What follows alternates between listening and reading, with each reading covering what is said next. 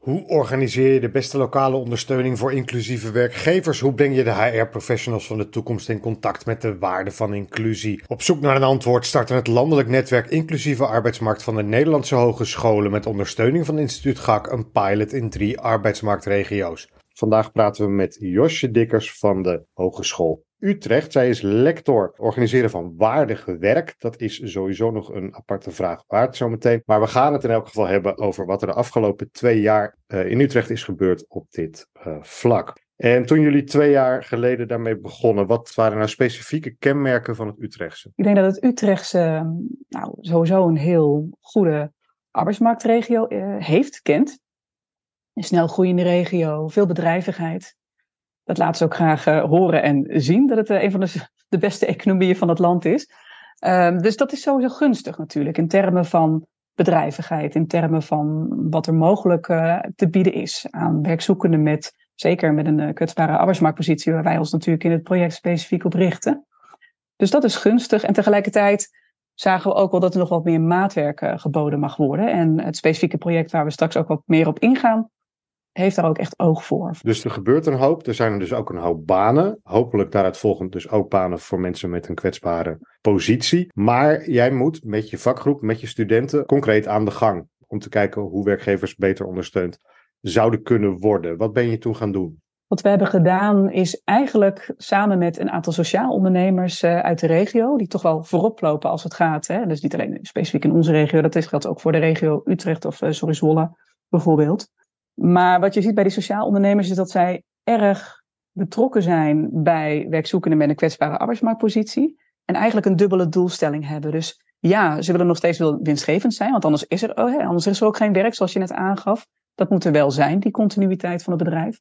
En tegelijkertijd, de tweede doelstelling is bijdragen in hun geval aan een sociaal-maatschappelijk vraagstuk. In dit geval het helpen van werkzoekenden aan een mooie baan en een duurzame baan. Dus we zijn vooral, hebben ons ja, oor te luisteren gelegd eigenlijk in het begin met deze sociaal ondernemers uit de regio. En dan denk ik bijvoorbeeld aan een Bartel Gelijnse, directeur van de Colle Kitchen. Om te kijken waar behoefte aan is.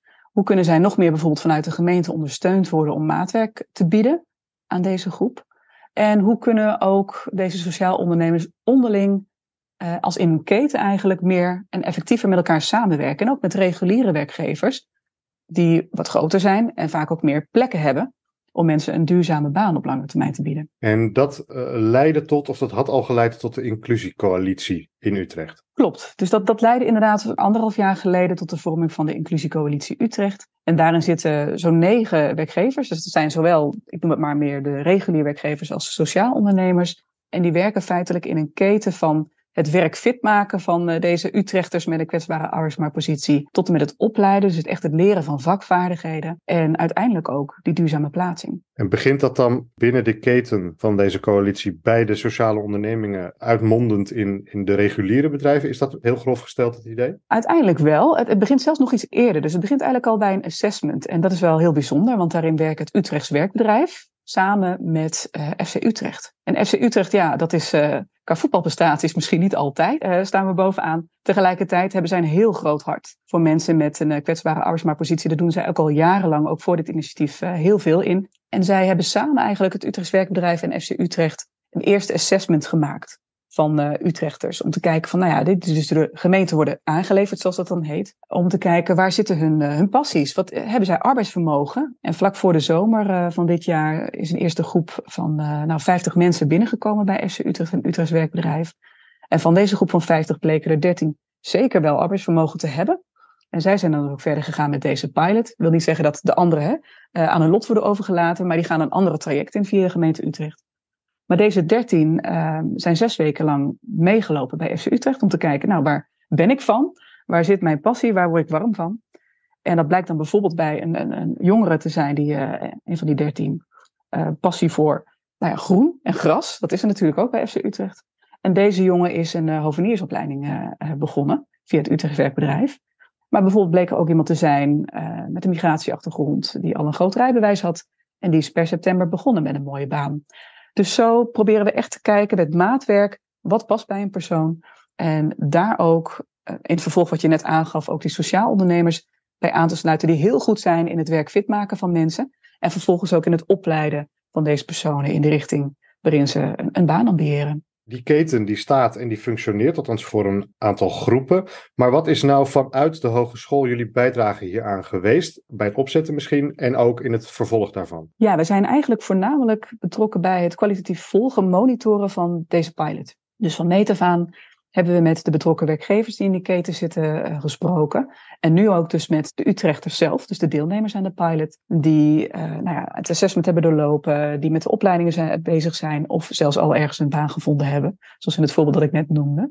Dus wij zijn vooral nou ja, bezig met het, het kwalitatief, dus echt in, in verhalen, in interviews, gesprekken met de verschillende betrokkenen bij deze keten ophalen hoe dat nu loopt. En wat dus ook de, de positieve kanten zijn, wat goed gaat, wat misschien nog beter kan. En zo proberen we natuurlijk ook steeds uh, die pilot uh, um, beter te maken. We doen het ook samen met Universiteit Utrecht en PwC. En die andere twee partners, kennisinstellingen, zijn vooral betrokken bij het kwantitatief monitoren. Dus dan moet je denken aan wat zijn de kosten, wat zijn de baten, wat levert het op bijvoorbeeld als deze mensen niet meer een uitkering krijgen, maar een baan uh, krijgen. Wat levert het de gemeente op en de maatschappij en uiteraard henzelf.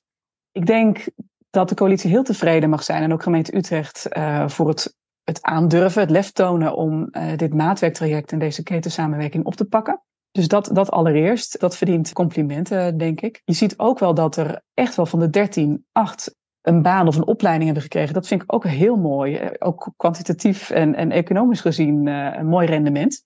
Tegelijkertijd zagen we ook bij dat eerste cohort, die vlak voor de zomer zijn gestart, dat er in de onderlinge samenwerking nog wel wat verbeterpunten zijn. Hè? Dus bijvoorbeeld de mensen die wat verderop in de keten zitten, dus de werkgevers als een Verbego, een Compass Group en grote werkgevers, waar mensen uiteindelijk terecht zouden kunnen komen, dat die nog wat onzichtbaar zijn aan het begin van deze keten.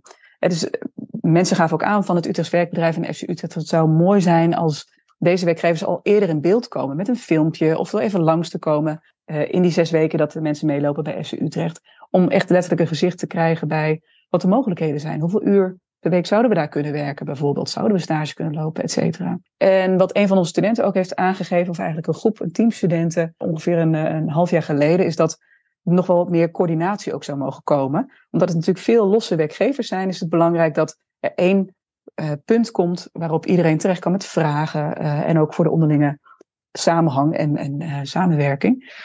En dat heeft ook geleid tot een, een projectgroep waar ook gemeente Utrecht bij betrokken is. Dus er is nu een projectgroep als aanspreekpunt eigenlijk voor de, van, van en voor de coalitie. Je noemt, uh, je noemt studenten. Jij hebt het als lector natuurlijk niet alleen gedaan. Nadrukkelijk ook de bedoeling om die studenten erbij te betrekken. Ja, dus onze studenten, dat zijn studenten of van de minor bevlogen medewerkers, gezonde organisaties. Eigenlijk een interdisciplinaire minor waar ook studenten van andere hogescholen zelfs aan deelnemen. En van verschillende opleidingen. Dus dat, dat is sowieso goed, want voor dit soort complexe vraagstukken reikt het uh, niet ver genoeg om alleen vanuit één discipline daarnaar te kijken of één opleiding. Dus dat zijn studenten, moet je je voorstellen, van Human Resource Management, maar ook van technische bedrijfskunde, zelfs fysiotherapie, management in de zorg. En die studenten die vormen in dat interdisciplinaire team eigenlijk een, een, een, groep om samen na te denken over dit soort vraagstukken. En zij zijn ook de, het team geweest dat heeft gezegd van joh, er moet echt wel meer coördinatie komen, dus een projectteam. Dat is een heel mooi advies toen de tijd geweest. En tegelijkertijd hebben we ook afstudeerders en dan specifieker van de opleiding Human Resource Management, waar ik zelf ook vanuit het lectoraat uh, vooral aan verbonden ben. En deze afstudeerders hebben uh, in het begin bijvoorbeeld ook gevraagd aan de deelnemers, de werkgevers dan uh, van de coalitie, hoe zij er tegenaan kijken, wat zij nou ja, mogelijk zien als, als uitdagingen en hoe dat tot nu toe gaat in het begeleiden van mensen met een kwetsbare arbeidsmarktpositie, waar ze tegenaan lopen, wat ze nodig hebben. en dat heeft natuurlijk ook, ook meer input gegeven voor, voor deze keten, voor deze coalitie. En momenteel zijn afstudeerders van dezelfde opleiding Human Resource Management bezig om de deelnemers te spreken. Dus ik, ik maak daar steeds presentaties van uh, tussentijds om uh, de coalitie te informeren over wat zij vinden. En zeker natuurlijk specifiek voor de projectgroep die daar vervolgens iets in kan doen om hun processen te verbeteren, et cetera. Dus dat is een heel belangrijke rol daarin, denk ik, om steeds die vertaling te maken. En tegelijkertijd hoop ik natuurlijk ook dat het geleerde van de inclusiecoalitie. En dan niet alleen wat wij als HU doen, maar ook vanuit de UU en PwC. Dus ook meer die kwantitatieve monitoring. Wat levert het op in kosten en baten? In die termen. Dat we daar ook uh, een gezamenlijke publicatie van kunnen maken. Zodat we niet alleen uh, nou ja, bijvoorbeeld andere uh, regio's daarvan en hogescholen kunnen informeren. Maar hopelijk ook andere gemeenten kunnen enthousiasmeren om dit initiatief over te nemen. Misschien wel goed, maar dat is meer iets algemeens, denk ik ook, uh, voor deze serie. Om te benadrukken dat we ook veel tussentijd tussen die drie regio's uitwisselen. En dat we daar natuurlijk ook allerlei lessons learned uh, aan verbinden. Uh, die we verder willen brengen, ja. ook, ook, nationaal.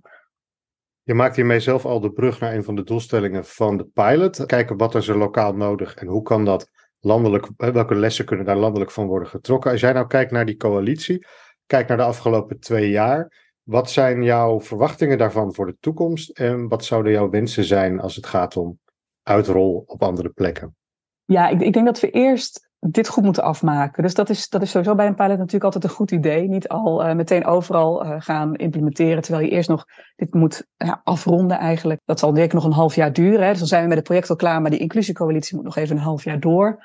Uh, om ook alle deelnemers goed te kunnen begeleiden en ook te kijken op langere termijn, wat, wat komt eruit? Zijn mensen inderdaad bijvoorbeeld nu uit de uitkering en zijn ze allemaal in een betaalde baan?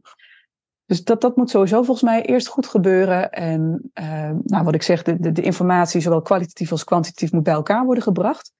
En dat moet goed, dat moet een goed helder verhaal worden. Uh, in eerste instantie voor gemeente Utrecht, wat mij betreft. Om te laten zien wat het heeft opgeleverd. Zodat zij ook kunnen bepalen in een beleid, is dit ook iets wat we willen continueren? Dat is denk ik stap één.